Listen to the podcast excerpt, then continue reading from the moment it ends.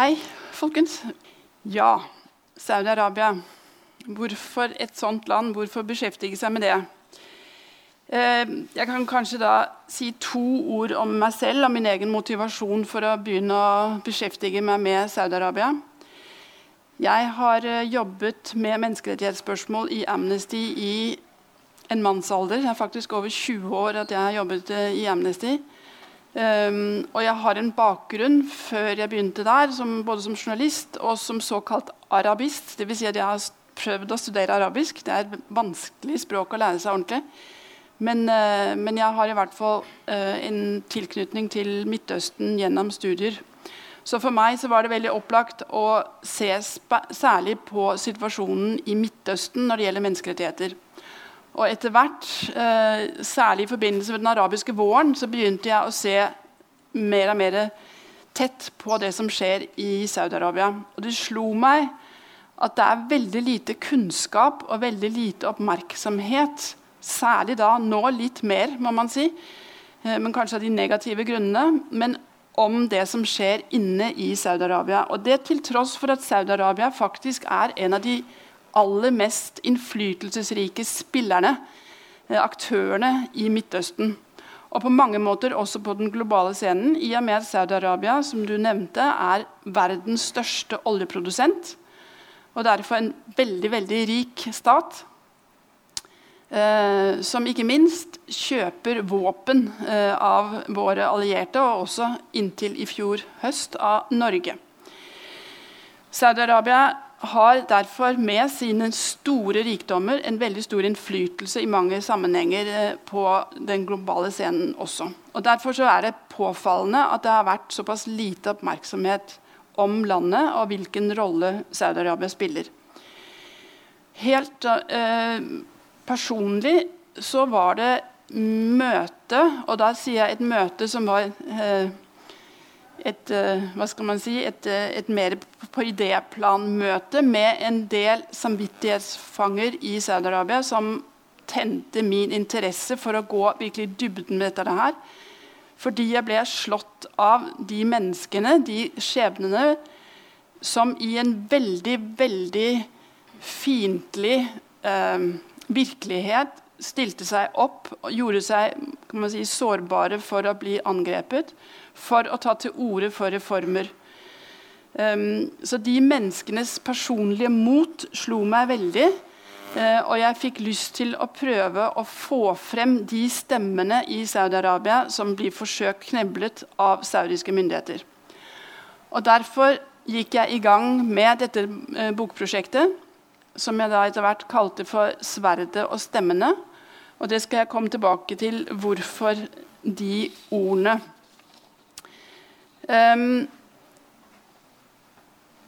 ja, la oss begynne. Et lite uh, Hva skal vi si Et lite forord for bare å sette scenen. Uh, for hva er det som skjer i disse dager når det gjelder Saudi-Arabia? For nokså nøyaktig, nå er det en uke til, uh, så er det ett år siden den saudiske journalisten Jamal Khashoggi ble drept og partert på konsulatet, det saudiske konsulatet i Istanbul. Han hadde i mange år vært tett knyttet til saudiske myndigheter som rådgiver eh, og som redaktør eh, av forskjellige medier i Saudi-Arabia. Men så tok han den beslutningen for noen få år siden om å dra ut av landet. Eh, han var ikke flyktning, men han var i eksil, eh, si, selvvalgt eksil. Og der i utlandet, særlig gjennom Washington Post, begynte han å kritisere saudiske myndigheter. Og det ble tydeligvis for mye for eh, kongehuset i Saudi-Arabia. Uh, og gjennom en grufull operasjon som da foregikk da han var på konsulatet, det har dere sikkert hørt om, for å ordne ekteskapspapirer eller skilsmissepapirer for å få muligheten til å gifte seg med sin nye kjæreste, så ble han altså da tatt uh, av representanter for saudiske myndigheter. Per i dag så er det fremdeles ikke klarlagt hva som egentlig skjedde, og hvem som har ansvaret. Men jeg kan komme tilbake til den saken. Men den setter på en måte en tone, dessverre, får jeg si, for eh, hvor langt saudiske myndigheter er villige til å gå for å kneble kritikk. Og faktisk nå er det sånn at det ikke bare heller er de som aktivt tar til orde for reformer eller mot saudiske myndigheters politikk som blir rammet. Men det er også folk som, som, har innflytelse i det saudiske samfunnet, og som ikke aktivt går ut og viser lojalitet overfor myndighetenes politikk. De blir i disse dager også tatt uh, av saudiske myndigheter. En annen sak som også setter tonen for det som skjer eh, nå, det er denne unge kvinnen som heter Lujain al-Hathlul. Hun er student, eh, og hun har i mange år stått på barrikadene for kvinners rettigheter i Saudi-Arabia. Hun er en av de stemmene som jeg skriver om i boka mi. Og Grunnen til at jeg fortalte hennes historie i boka, det er at hun i 2014 tok en veldig spesiell beslutning om å sette seg bak rattet eh, på bilen sin, eller i bilen sin, eh, fordi hun hadde sertifikat fra Emiratene, nabolandet til Saudi-Arabia. Og hun bodde i Emiratene. Hun er saudisk borger, men hun bodde i Emiratene. Og så bestemte hun seg for å blåse liv i en kampanje som foregikk under den arabiske våren, men som hadde stilnet pga. problemer som de kvinnene som hadde vært med i kampanjen, ble konfrontert med. Men hun ville blåse nytt liv i denne kampanjen ved å rett og slett ta bilen sin og kjøre mot grensen til Saudi-Arabia. Da hun gjorde det, så tok hun opp et bitte lite videosnutt som hun la på Twitter, hvor hun skrev nå kjører jeg, nå får vi se om vi kan blåse liv i kampanjen for kvinners rett til å kjøre bil. Det klippet ble sett av mange mange hundre tusen mennesker i løpet av eh, få timer. Og det som skjedde var at Da hun kom til grenseovergangen til Saudi-Arabia, så ble hun stoppet av eh, grensevakter eh, som ba henne om å bli i bilen, fordi de visste ikke hva de skulle gjøre med henne. Så ble hun sittende i bilen til over natten, rett og slett. Eh, og da ble, hadde de da fått ordre fra innenriksministeriet eller innenriksdepartementet om hva de skulle gjøre. Og de ba henne da kjøre inn over grensen for å foreta en U-sving for å dra tilbake til Emiratene. Hun fikk ikke lov å komme inn i Saudi-Arabia. Det som skjedde da hun kom inn på saudisk jord, i hensikten da å dra tilbake til Emiratene, så ble hun arrestert. Og Hun satt da over to måneder i ikke et vanlig fengsel, viste seg, men en oppdragelsesanstalt for ungdom, fordi hun var ikke 30 år. Eh, og kvinner blir da i den strafferettslige forstand ikke vurdert som, som eh, modne nok til å være i fengsel før de er 30. Så hun ble plassert i et sånt ungdomsfengsel for kvinner. Da, selvfølgelig. Eh, og så ble hun tiltalt. Og hun ble faktisk, som den første kvinnen overhodet i Saudi-Arabia, tiltalt for terrorisme. Fordi hun hadde kjørt bil. Myndighetene så på hennes handling som undergravende virksomhet. Um, sånn som det er i mange slike saker i Saudi-Arabia, så kan man eller så blir man ofte presentert for muligheten til å bli løslatt hvis man signerer en erklæring om at det man gjorde, var feil, og at man aldri mer skal ta del i noen offentlig debatt. Lujain ble også stilt overfor et sånn forsøk på knebling. Eh, og hun klarte å fortalte hun meg senere, for jeg har truffet henne i Europa senere. Hun fortalte at hun hadde klart å forhandle seg til at hun hun lovet at hun aldri mer skulle legge ut videoklipp på YouTube, som hun da hadde gjort i forbindelse med kjøringen. Men hun hadde ikke lovet at hun ikke skulle delta på Twitter og andre plattformer eh, i sosiale medier. Så hun ble løslatt, faktisk.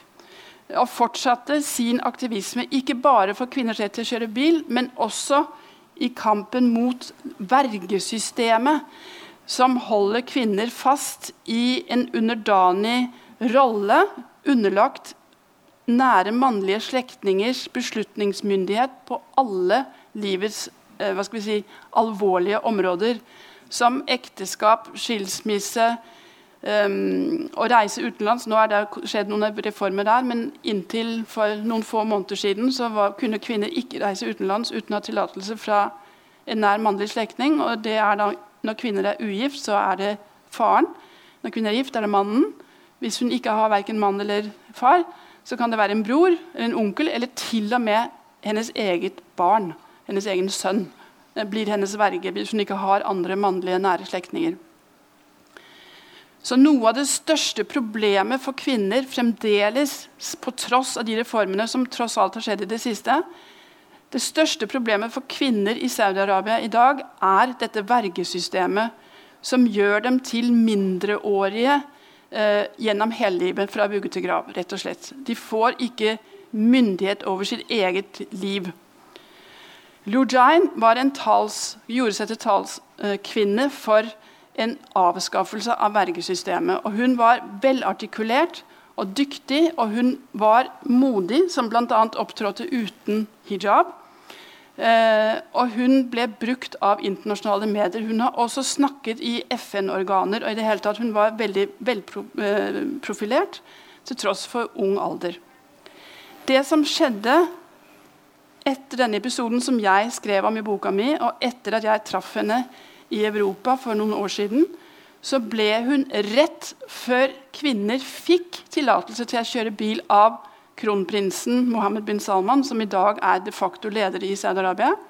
Han opphevet forbudet mot kvinnelig bilkjøring for hva er det nå, halvannet år siden. Noen få uker før dette skjedde, så ble alle de kvinnene som hadde tatt til orde for nettopp den reformen, ble arrestert. Eh, alle sammen alle som på en eller annen måte hadde hatt en rolle i den kampanjen, eller tatt til orde, også menn som hadde støttet kvinne, kvinners, eh, kvinnekampanjen, ble tatt. Eh, de skulle ikke få muligheten til å innkassere en seier. Det skulle ikke være mulig for saudiske borgere å tro at man kunne, at det nyttet å kjempe for sine rettigheter. De kunne gjerne få rettigheter hvis det passet kongehuset, men de måtte ikke tro at de kunne nå frem med å uttrykke sine meninger og ta del i en debatt. Lujain ble fengslet. Det var i mai eh, 2018. Det har gått halvannet år. Hun er fremdeles ikke stilt for retten. Det har vært en høring i en rettsinstans, men hennes retts, eh, rettsprosess er ikke avsluttet. Og hun, dessverre må jeg si, er blitt utsatt for grov tortur og seksuell trakassering i fengselet. Det har hun som den aller første modig nok fortalt om gjennom familien sin, som da har fått etter noen måneder hvor hun var i total isolasjon. Så fikk familien eh, besøke henne, og etter en lang periode hvor hun ikke sa noen ting, så endte det da med at hun medga overfor familien at hun var blitt utsatt for tortur, og hun viste dem mange eh, tegn på kroppen eh, for denne torturen. Hun og mange andre av de kvinnene som ble tatt, har fortalt om torturen i retten, men de er ikke blitt hørt. Uh, og som sagt er det fremdeles uvisst hvordan saudiske myndigheter vil dømme dem. I media har myndighetene og de statskontrollerte uh, kanalene har um, startet en stor svertekampanje mot disse kvinnene og erklært at de er forrædere av den saudiske staten. Og Det virker som om de har hatt i hvert fall til hensikt i utgangspunktet å um, skape et bilde av disse kvinnene sånn de, som nettopp på en måte undergravende elementer som hadde hatt kontakt, og det ble fremholdt som en forbrytelse, med utenlandske aktører som diplomater i, i Riyadh, altså hovedstaden i Saudi-Arabia. Og at de hadde hatt kontakt med andre aktivister som jobbet for menneskerettigheter. Og at de hadde hatt kontakt med media og organisasjoner som min egen Amnesty International. Selv det at de hadde hatt kontakt med, eller en av dem hadde hatt kontakt med FN-organene, ble betraktet som en forbrytelse. Det som er, eh, altså Uansett er det selvfølgelig svært kritikkverdig at man på grunnlag av helt fredelige ytringer og fredelig kontakt med andre mennesker øh, fengsler, torturerer og stiller for retten kvinner som altså da ikke har gjort annet enn det. Men det som også er alvorlig, er hvis de da prøver å etablere en terrortiltaler. Eh, I Saudi-Arabia, under den saudiske antiterrorloven, så kan man dømme eh, mennesker til døden. Dette er, er det som skjer akkurat nå. rett og slett. Uh, Lujain sitter fremdeles i fengsel. Vi vet ikke uh, hvordan denne saken kommer til å gå. Men hun er også nominert til fredsprisen.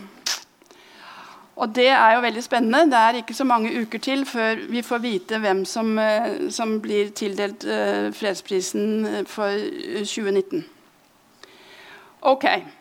Det var en liten, eh, en liten, oppvarming, dessverre, får jeg si, eh, til å si litt om hva slags land Saudi-Arabia er. Nå er det litt lyst her, så man ser ikke riktig fargen her, men den er grønn. Eh, ja, det kan jo kanskje være fint å ha litt lavere belysning, eller mørkere. I hvert fall, Dette her har dere sikkert sett før. Det er det saudiske flagget. Jeg syns i grunnen at det er et veldig flott flagg. det er veldig dramatisk, selvfølgelig. Um, den grønnfargen den er, som dere sikkert gjenkjenner Eller jeg vet ikke, det er jo ikke sikkert dere gjenkjenner den, men, men det er på en måte en, den, veld, den, grønnfargen er veldig symbolmettet. For grønt er islams farge. Uh, hvis dere har sett en koran, så vil dere alltid se at Koranen er alltid grønn på omslaget. Så grønt er islam. Og Saudi-Arabia er veldig opptatt av å uh, understreke landets betydning i islam. Fordi det er landet som huser de mest hellige byene i islam, nemlig Mekka og Medina. Der drar på, muslimer drar på pilegrimsferd en gang i livet hvis de har muligheten for det. Så Saudi-Arabia gjør et stort nummer ut av at de er på en måte vokterne om islams helligdommer. Så sånn sett så er det viktig for eh, eh, myndighetene i Saudi-Arabia å på en måte lage en veldig tydelig kobling til islam i sitt på en måte statsbygningsprosjekt. Og det, disse, denne kalligrafien, som jeg også syns er veldig vakker den er også en del av det prosjektet. fordi det er ikke en hvilken som helst tekst, men det er åpningssuren i Koranen, som, som er trosbekjennelsen, den muslimske trosbekjennelsen, som sier det finnes ingen Gud utenom Gud, og Mohammed er hans sendebud. Det står det her på arabisk. Så med den grønne fargen, med øh, disse, øh, denne setningen, så har på en måte Saudi-Arabia tatt eierskap til islam. Og så er det da et element til, og det er sverdet. Og sverdet i denne sammenhengen her er den politiske makten. Politiske maktens øh, øh, mulighet og rett til å utøve vold.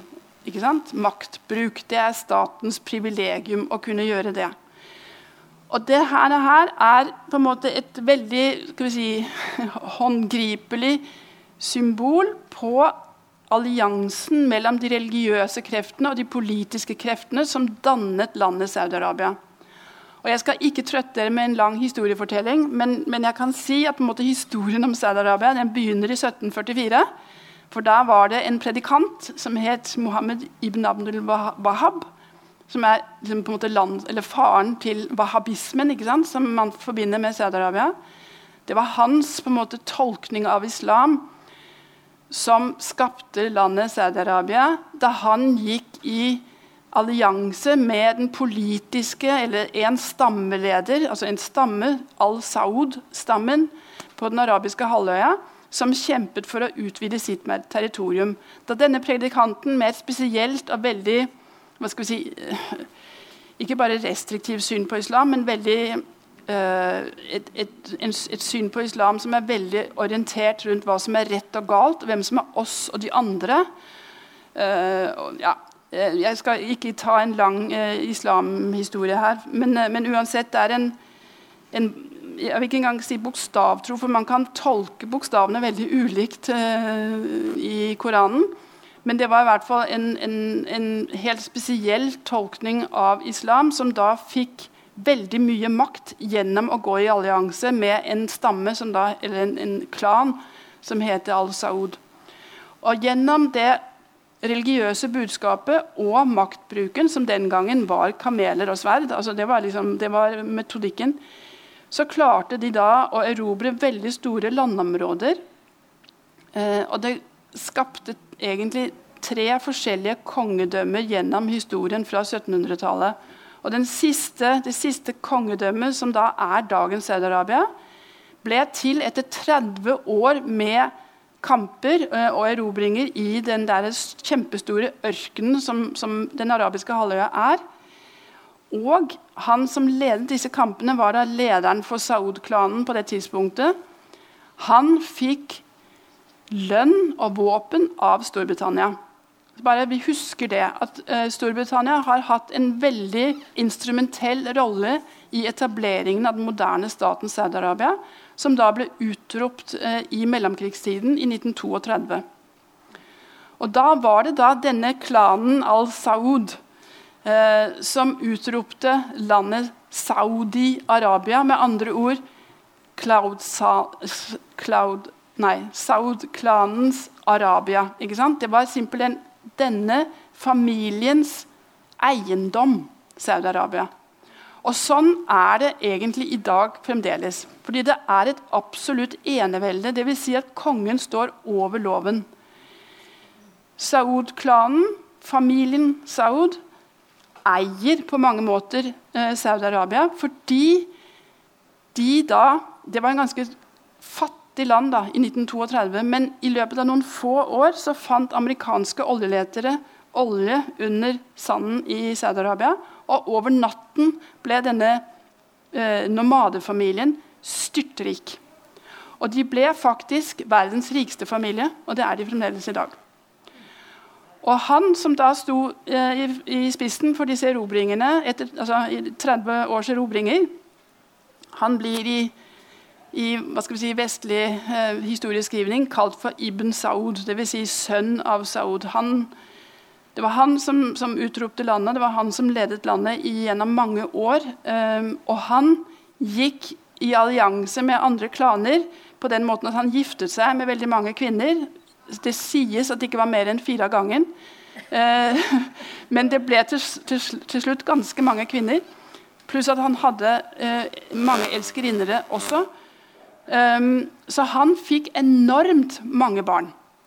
Uh, man vet faktisk ikke presist antallet, men det man vet, er at i dag så er Saud-familien en kjempestor familie på anslagsvis og der er det veldig varierende anslag, med mellom 10 000 og 17 000 prinser. Uh, og et ukjent antall prinsesser. Uh, og denne klanen, denne familien, har da hatt eh, eh si, total kontroll og makt eh, over Saudi-Arabia siden. Og de har vekslet, Disse kongene har avløst hverandre. og De har stort sett vært halvbrødre da, som, har, som har tatt over for hverandre etter tur. Etter sånn konsensusprinsipp innad i familien. Og nå i 2015, for å gjøre en lang historie veldig kort Det jeg må si forresten før jeg går til nåtiden, det er at Saudi-Arabia ble faktisk utropt som et veldig, eller fikk en særstatus under den annen verdenskrig som værende eh, eh, essensiell for amerikansk sikkerhet pga. oljeleveransene. Så Under annen verdenskrig så ble Saudi-Arabia knyttet veldig tett til amerikansk politikk og har vært det siden. Det var det amerikanske oljeselskapet den gangen som hadde gjort disse oljeletingene på 30-tallet, som bidro til å utvikle den saudiske staten. For det fantes ikke infrastruktur, det fantes ikke organisasjoner, ingen statsbygging egentlig ute i denne ørkenen, for å si det litt sånn brutalt. Eh, så det, det der, eh, Oljeselskapet ledet an i å etablere staten. Og Etter hvert så klarte eh, sauderne da å overta det oljeselskapet som nå i dag heter Saudi Aramco. Jeg vet ikke om dere har hørt om det, men det er verdens største oljeselskap. Og det er, de, det er dette oljeselskapet egentlig som på veldig mange måter driver statsbyggingen fremdeles. De er virkelig en driver i saudisk sammenheng. Men nå er det, da, det er 100 da på, på, kongehusets hender. Eh, og faktisk så er det sånn at pengene fra olje, eh, oljeeksporten og oljeletingen, eh, eller oljeproduksjonen, går først inn på kontoer til kongefamilien, og derfra inn på statsbudsjettet. Så man vet i dag ikke presis hvor stor rikdom denne familien besitter, men at de besitter veldig store rikdommer, det vet vi. Uh, og de rikdommene har de da gjennom disse tiårene dels brukt selvfølgelig på å utbygge staten og leve selv i veldig stor luksus, men de har også brukt det til å ekspandere eller eksportere denne versjonen av islam som wahhabismen er. Og det er det jo andre som har vært veldig opptatt Jeg vet ikke om dere kjenner denne boken til den tidligere ambassadøren Vibe, Viby, uh, Schultz Viby, som har skrevet uh, Nei, Schøtz Viby, unnskyld. Uh, som har skrevet om wahhabismen og eksport av wahhabismen til hele verden. Det er på en måte et kapittel for seg som jeg ikke går inn i. Men jeg er mer opptatt av selvfølgelig menneskerettighetssituasjonen, men også på en måte makten, den politiske makten. For jeg mener at religionen blir brukt som et redskap til å undertrykke og til å kontrollere befolkningen. Eh, de bruker på en måte sharia, den islamske loven, som en begrunnelse for å avkreve befolkningen lydighet.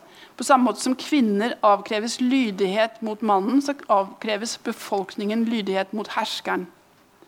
Og det er liksom innenfor De bruker islamsk retorikk for å rettferdiggjøre det. Um, ok. Jeg går rett på denne mannen her, uh, faktisk. Og dere har sikkert sett bilder av ham før. Han er jo etter hvert blitt et kjent fjes. Han eh, er altså sønn av kongen i Saudi-Arabia. Så det er ikke egentlig han som er konge. Det er eh, Kong Salman heter han som er konge. Han ble konge i 2015, da hans halvbror døde. Men uh, kong Salman, som da også er sønn av Ibn Saud, han er da ganske gammel, fordi det er ikke så mange igjen av disse sønnene av uh, Ibn Saud. Eh, så han er både gammel og syk, eh, og har etter hvert gitt veldig mye makt til sønnen sin. Og han ble i 2017 utpekt som kronprins.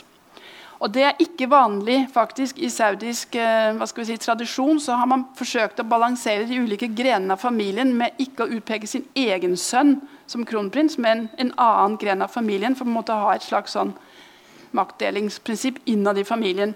Men familien Salman har nå brutt med den tradisjonen. Og da er det, altså Far og sønn er virkelig in charge. Han, Kronprins Mohammed bin Salman han har gjort to ting, vil jeg si, liksom sånn grovt regnet. Han, har, og han er ekstremt ung da, til å være styrende i Saudi-Arabia. De, Som regel har de vært veldig gamle når de kom til makten, men han var bare så vidt 30 år da han fikk, eh, fikk liksom den, den reelle makten. Han, under, først ble han forsvarsminister og startet krigen i Jemen. Det var under ham. Eh, og så fikk han kontroll med alle sikkerhetsapparatene og, og militæret eh, i Saudi-Arabia. Eh, og så med økonomien. Og det han har da gjort, som på en måte er forutseende, kan man si, at han har tatt noen veldig radikale grep for å redde saudisk økonomi. Og Det høres jo litt pussig ut når man snakker om at det er verdens rikeste familie. Men saken er den at det saudiske samfunnet er 100% avhengig av oljeinntekter. Eh, og så I 2014 så gikk oljeprisen ned. Eh, og da begynte Saudens, altså Sauderne har på en måte vennet seg til høy oljepris. Og de begynte da å måtte bruke av sine reserver for å, å på en måte drive det samfunnet som da etter hvert var etablert som et veldig rikt samfunn, hvor det ikke har vært, inn, altså ikke vært skatt. Det har vært subsidier på selvfølgelig alle eh, olje og, og drivstoff osv. Eh, vann og i det hele tatt. Folk har vennet seg til veldig mange goder, kan man si, eh, pga. at det har vært et rikt land. Sånn at I løpet av veldig få år så begynte de simpelthen å tappe alvorlig ned på landets eh, reserver. Og det var mange analytikere som spådde at Saudi-Arabia Saudi ville gå konkurs eh, hvis ikke de tok noen veldig drastiske grep. Fordi de var så oljeavhengige eh, og derfor sårbare i forhold til prisendringer på, på olje. Og da hyret han et veldig stort og viktig eh, konsulentfirma, som sikkert flere av dere har hørt om, McKinsey. Ja. De hjalp eh, kronprins Mohammed bin Salman med å lage en strategi for hvor Saudi-Arabia skulle gå, som heter Vision 2030. Og Der tar han til orde for at man må diversifisere. som det heter. Man må på en måte få flere bein å stå på i økonomien enn olje. Eh, for å gjøre landet mindre sårbart. Og man må reformere landet i forhold til sosiale um, hva skal vi si, strukturer. For det har vært et, er fremdeles et ekstremt segregert samfunn. Vil si, altså, det fins en kvinneverden og det fins en mannverden, og mannsverden, og de kan egentlig ikke møtes annet enn i ekteskap. Uh, og helt, helt nær familie. Det er til og med ikke ikke lov, men bare som en normlov, uh, å møte slektninger eh, som er så fjerne som fettere, f.eks. Altså, man altså man man møter, som kvinne så møter man ikke menn annet enn sin far og sine brødre. Man, man er helt avskåret fra mannsverden, og vice versa. De på en måte, normene har han begynt å løse opp med ved å gi kvinner tilgang til flere offentlige plasser, som fotballbaner og konserter som har kommet for første gang. Saudiske, for det har, konserter har vært forbudt. Det har ikke vært kinoer. Det har vært altså, veldig lite som, er, som skjer. Underholdning i Saudi-Arabia. Men det er en del av denne planen til Mohammed bin Salman. At for å få hjulene i gang, så må man skape en underholdningsindustri. Man må tillate det skjer noe morsomt i landet, og man må tiltrekke seg turisme. Det er noen av hans grep da, som han vil prøve å få til innen 2030. Og Det er også noe av begrunnelsen for at han opphevet forbudet mot kvinners bilkjøring. At han trenger kvinner på arbeidsmarkedet for å få i gang en del hjul. Så på noen områder som er økonomisk motivert, sånn som jeg ser det, så har han drevet frem en reformpolitikk.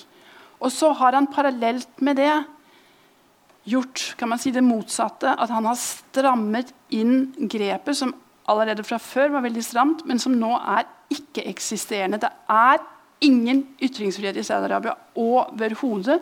Det er ingen religionsfrihet, det er ingen forsamlingsfrihet. Det er, ikke, det er ikke lov å demonstrere. Det altså det er alle tas nå. Det er ikke bare the usual suspects, de som på en måte har aktivt gått ut og tatt til orde for, for demokrati. Det har alltid blitt slått veldig hardt ned på i, i saudisk kontekst. Men nå er det også religiøse ledere som har mange følgere på Twitter f.eks. Der er det noen religiøse ledere som har altså, 10-15 millioner følgere på Twitter. Og det vil si, Hver gang de legger ut en Twitter-melding, så blir det fanget opp av veldig veldig mange mennesker. Og På den måten har de selvfølgelig innflytelse. Et eksempel på en sånn religiøs leder som heter Salman al-Auda. Han fikk en telefon fra myndighetene for nå to år siden om at han skulle gå aktivt ut på Twitter og støtte kronprinsen i hans konfliktoppbygning med Qatar. Jeg vet ikke om dere har fått med deg at Det er en veldig konflikt mellom Saudi-Arabia og Qatar, som er et lite land i Gulfen, og som Saudi-Arabia mener har for mange kontakter med Iran. Kronprinsen ville ha lojalitet i forhold til konfliktoppbyggingen med Qatar fra denne religiøse lederen. Eh, dagen etter så la denne religiøse lederen Salman al-Auda han la ut en twittermelding hvor han skrev noe sånt som fritt etter min hukommelse, at han håpet at Gud ville gi lederne i disse to landene fred i sjelen for deres befolknings beste. Et eller annet noe rundt det. Altså, som på en måte bare var et, en måte å si på at han håpet at de ville finne frem til en løsning. Eh, altså det motsatte av konfliktoppbygging. Dagen etter ble han tatt. Han har nå sittet både i isolasjon, han er veldig syk, han er en gammel mann. Eh, og han er blitt stilt for terrordomstolen, og påtalemakten har nedlagt påstand om dødsstraff. Det er i dag nivået på forfølgelse i Saudi-Arabia. Og det foregår som sagt parallelt med en oppmyking som omverdenen har fått med seg, eh, og som skaper åpne dører mange steder. Fordi at nå går jo alt så meget bedre i Saudi-Arabia. Kvinner får til og med lov å kjøre bil. Og For eh, noen måneder siden så fikk de også eller en måned siden, husker ikke helt, så fikk de også lov til å skaffe seg pass og reise utenlands uten da godkjenning fra vergen sin. Det blir lagt merke til. Uh, og det som er på en måte store, den store utfordringen som vi står i som jobber for menneskerettigheter, er selvfølgelig at den imagebyggingen som saudiske myndigheter nå gjør i utlandet, den dekker over selvfølgelig den forfølgelsen som skjer. Og de gjør det for å lokke til seg investorer for å få disse økonomiske hjulene i gang i Saudi-Arabia. Sånn at det er, det er en, virkelig en, på en måte en en stor maktkamp i, si, i, det offentlige rom internasjonalt om hvordan, hva slags land Saudi-Arabia er, og hvilke verdier de faktisk står for. Og Sentralt selvfølgelig i hele dette her, står denne mannen her, eh, Mohammed bin Salman, som er de facto leder, og som har da startet en krig med Jemen, nabolandet Jemen, som er eh, i sør. Og som da står bak konflikten med Qatar, som ligger her. Og som nå også, som dere sikkert også har fått med dere, bygger opp på en måte retorikken mot Iran som den store, stygge ulven i regionen. Og der har jo det saudiske kongehuset full backing fra Det hvite hus. Så amerikanerne stiller seg helt på linje med Saudi-Arabia eh, mot Iran. Og det som har skjedd eh, i det siste bare for at Jeg skal ikke bruke mye tid på dette her store regionale bildet, men det som er viktig å merke seg, er at det nå har vært angrep mot oljeinstallasjoner i østprovinsen, her, hvor det er, det er her oljen er. Um, og det har vært angrep som da saudiske myndigheter sier kommer fra Iran direkte, men som de som kjemper eh, Houthi-militsen, som er i Jemen, og som da sauderne eh, bekjemper der eh, eh Houthi-militsen sier at det er de som står bak disse eh, mis, hva heter det, drone- og missilangrepene. Og Det er fremdeles uklart hvem som står bak, eller om det er eh, grupperinger i Irak som har Eh, som har eh, eh, ja, som har vært startpunkt for, for, disse angrepene. Det er fremdeles uklart, men det er klart det er superviktig å få stadfestet hvem det egentlig er som er, står bak. fordi Det som nå skjer, er jo både at amerikanerne, altså med Trump selvfølgelig i spissen, men også sauderne, bruker disse angrepene som anledning til å prøve å samle en allianse, eller i hvert fall en, ja, venner som vil stå, eh, støtte, støtte, dem hvis de faktisk går til krig mot Iran. Eller i hvert fall gjengjelder dette angrepet. Og det er potensielt selvfølgelig veldig, veldig skummelt. Um, fordi Saudi-Arabia har en av de største militær, eller er en av de største militærmaktene i Midtøsten. De har altså kjøpt eventyrlige mengder våpen fra Vesten. Eh, halvparten av all våpenproduksjon i Storbritannia eksporteres til Saudi-Arabia. Saudi-Arabia er også den største våpenimportør fra USA og fra en rekke Nato-land. Og som sagt, Norge har også solgt eh, ikke våpen, men militært utstyr til Saudi-Arabia helt inntil november 2018. Det har vært mange, bl.a. Amnesty, som har jobbet for å få stanset eh, våpeneksporten eller militæreksport til Saudi-Arabia pga. Jemen-krigen. For der er det opplagt begått eh, brudd på krigens folkerett. Um, um, men uansett Saudi-Arabia er en stor militærmakt. Og så kan man diskutere det er det mange som gjør, at ikke Saudi-Arabia er særlig flinke til å bruke våpnene uten å ha hjelp fra amerikanerne. fordi de vet ikke hvordan de skal bruke disse våpnene. Altså, de er dårlig, ut, altså, dårlig trent her. Uh, de er ikke særlig disiplinerte, og det er kanskje en del korrupsjon. hva vet jeg. Poenget er i at Spørsmålet er liksom om hvor effektiv militærmaskin de egentlig er, hvis ikke de får hjelp fra USA og Storbritannia, som da kjenner våpnene bedre enn de selv gjør. for å si det sånn. Um, men Iran er jo også en stor militærmakt. Um, så Iran og Saudi-Arabia sammen med Israel er de største militærmaktene i regionen. Så hvis disse to militærmaktene faktisk altså, ja, begynner en åpen krigføring seg imellom, så blir Syriakrigen bare barnemat i forhold. Så det er på en måte det veldig alvorlige og kritiske hva skal man si, perspektiv som ligger i det som skjer akkurat nå eh, i regionen. Og Der er det selvfølgelig ekstremt viktig at man har krefter som prøver å dempe konflikten. Og de kreftene internt i Saudi-Arabia blir kneblet. Ok, dere. Dette er et litt sånn merkelig bilde, men det er eh, Jeg vet ikke om noen av dere vet hvor det kommer fra. Ehm, det er på en norsk nettside. Det er vårt eget oljefond. Eh, og det sier jeg for å dra på en måte problemstillingen litt hjem. Norge har også forbindelser til Saudi-Arabia. Vi stoppet våpeneksporten i fjor. Men vi begynte i 2015 å investere våre egne oljepenger i Saudi-Arabia. Fra 2015 til nå så har investeringene i Saudi-Arabia økt voldsomt. Nå er det 9 milliarder som er investert i landet.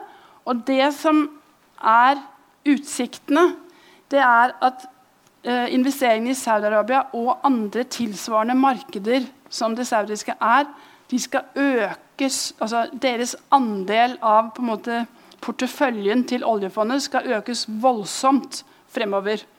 Og Det har noe med vektingen i forhold til referanseindeksen og noen sånne økonomiske faktorer som jeg ikke skal trøtte dere med. Men poenget er at Norge nå faktisk altså For det første så har man jo investert siden 2015, og det har vært en problematisk sak helt siden da. Og jeg kan fortelle dere om en, et selskap som jeg har undersøkt, og som viser seg å være veldig problematisk at vi har vært investert i. Men problemstillingen er større enn det. Altså, Oljefondet går nå potensielt inn i mange land som har en veldig problematisk menneskerettighetssituasjon.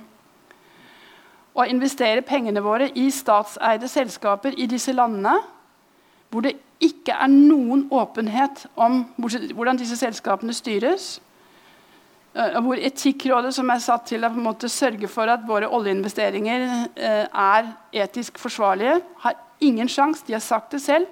Vi har ingen mulighet til å sjekke disse selskapene fordi det er lukkede land. Og vi har ikke mulighet til å komme der og gjøre undersøkelser. Og, har, og det er ingen på en måte kritiske stemmer i landet selv som tar opp problemet med selskaper. Så vi står overfor nå eh, å øke investeringene i et land som altså drives på denne måten. Og det er en, måte, Vi lever i et åpent samfunn, og vi har vår ytringsfrihet. Så det er en problemstilling som bør engasjere folk. Amnesty har jobbet mye med Stortinget rundt dette her, og har fått i gang nå at regjeringen har måttet nedsette et utvalg for å se på de utfordringene som, som det representerer at oljefondet går inn i Saudi-Arabia for fullt nå. Men det betyr bare at vi er en del av dette spillet, vi også.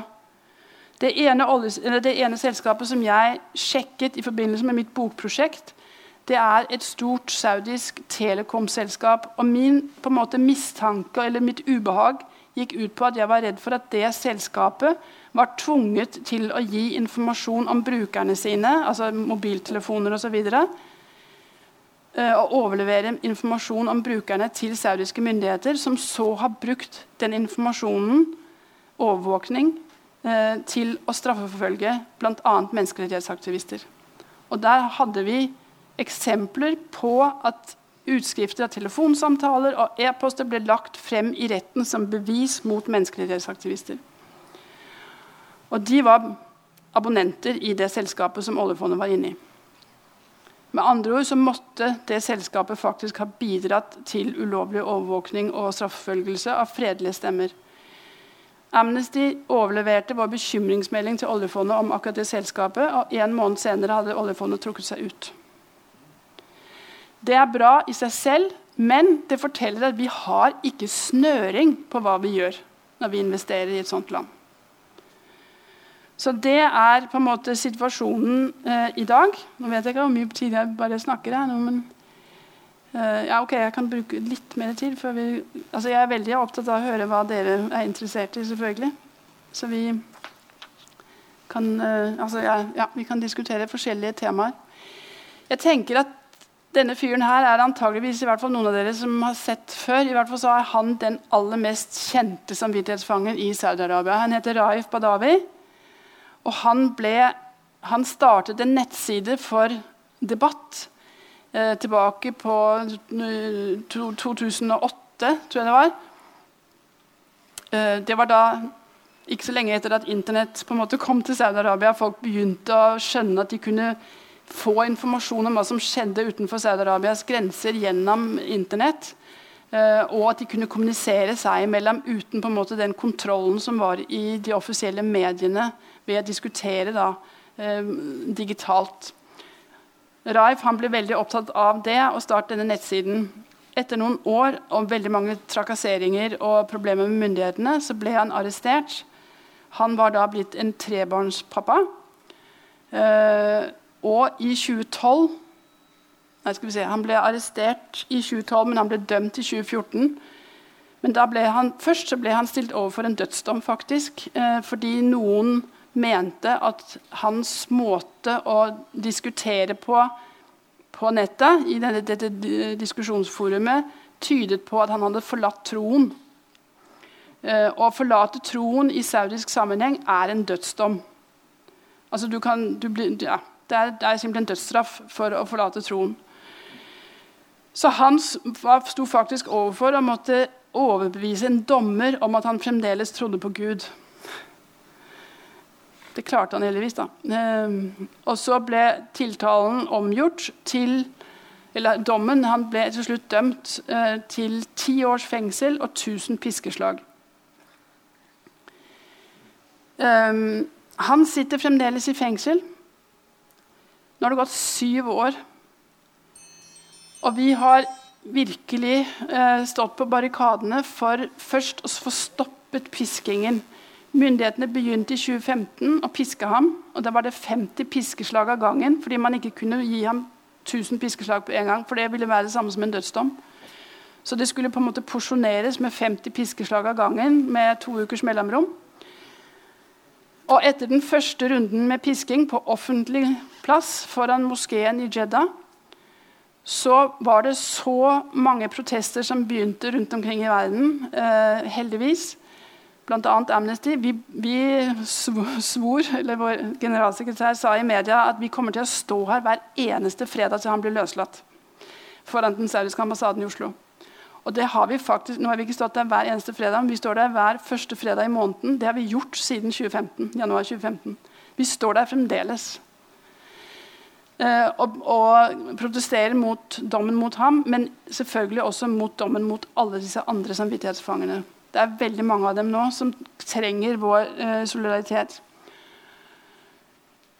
Så det er på en måte eh, Denne fyren her, Raif Badawi, han er blitt symbol på, på måte, den type undertrykkelse og forfølgelse som foregår i Saudi-Arabia.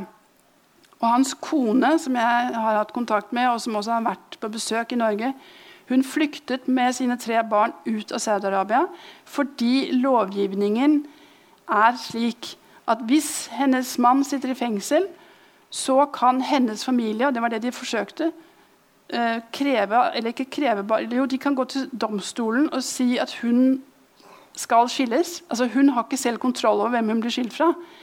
Faren hennes kan si at min datter skal skilles fra denne mannen.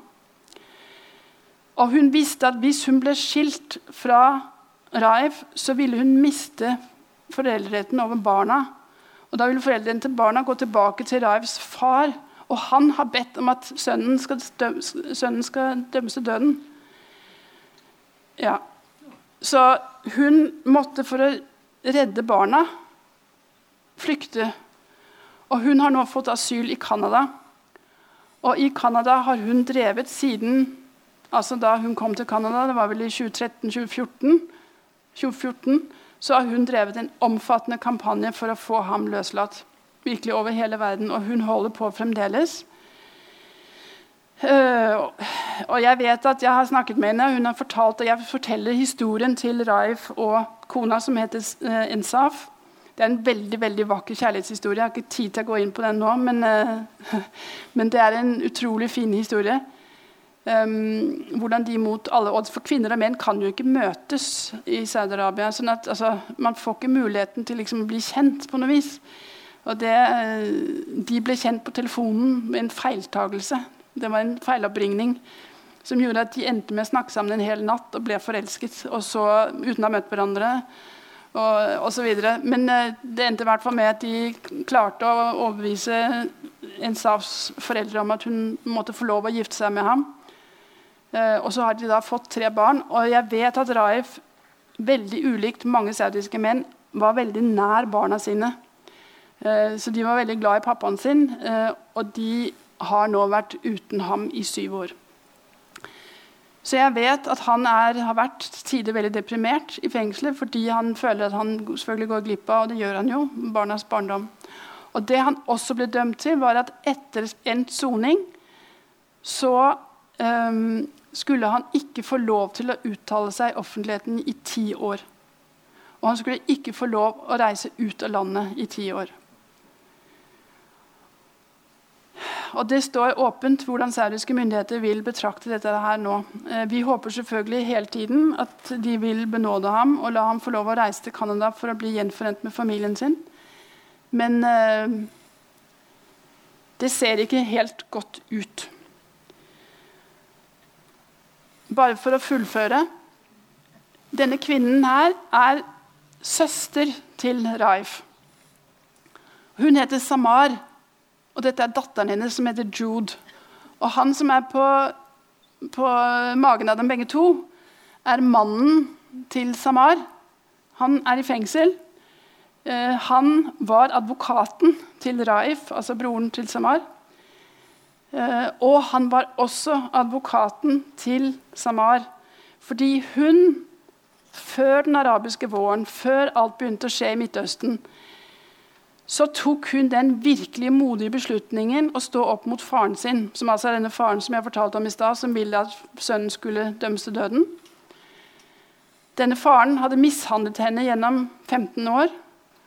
Eh, og hun tok den beslutningen at hun forlot hans hus uten hans tillatelse, som er en forbrytelse eh, for en kvinne. Hun må ikke forlate vergens hus uten hans tillatelse og søkte tilflukt i en, et, det første krisesenteret som var på det tidspunktet etablert i Saudi-Arabia. Og Da anla faren sak mot henne for ulydighet. Og Det kan en mann gjøre i Saudi-Arabia, og det kan han fremdeles gjøre. Den reformen er ikke kommet ennå. Han kan fremdeles anklage den han er verge for, for ulydighet hvis hun ikke gjør som han sier. Og da hun, ble hun tvunget til å komme for en dommer og da sa dommeren du har et valg, eller to valg. Du kan enten gå tilbake til din fars hus, og han kan gjøre med deg hva han vil. Han er din verge. Eller du må gå i fengsel. Og da sa hun 'send meg i fengsel'. Og det ble hun. Og hun satt der i syv måneder, tror jeg det var, men fikk da denne fyren, denne advokaten, som klarte da å få henne ut. Eh, og den Historien er lang, den skal jeg ikke fortelle, men han klarte å få henne ut. Han var en veldig modig advokat. Han tok alle de vanskelige sakene. Det å forsvare henne, det å forsvare Raif, som hadde tanker som mange syntes var kjetterske, det var ikke populært i Saudi-Arabia. Men han sto opp for dem begge to. Hun ble løslatt. De ble da gift etter hvert. De ble et kjærestepar og fikk Jude. Men før Jude ble født, så ble han tatt av myndighetene. Arrestert for sin modige advokatgjerning. Og han ble dømt til 15 års fengsel. Og han sitter der også fremdeles. For å gjøre historien komplett da disse kvinnene som hadde stått opp for kvinners rettigheter Og Samar er definitivt en av de kvinnene som har gjort det. Ikke bare altså, Hun konfronterte hele vergesystemet, men hun har også vært med på denne bilkampanjen. Hun ble også arrestert. Så nå, Og hun sitter fremdeles inne, og hun har også blitt utsatt for tortur. Så Jude, som faren så for første gang i rettssalen For der var han allerede tatt før hun ble født. Hun har da begge foreldrene i fengsel. Og bor hos sin bestemor, så vidt jeg har forstått. Så situasjonen for absolutt alle som har gjort et eller annet for å prøve å på en måte reformere og forbedre dette landet, Saudi-Arabia, betaler i dag en virkelig stor pris for sitt engasjement og sitt mot. Jeg tror ikke vi klarer å løse verdensproblemene her i kveld, men takk for at dere kom.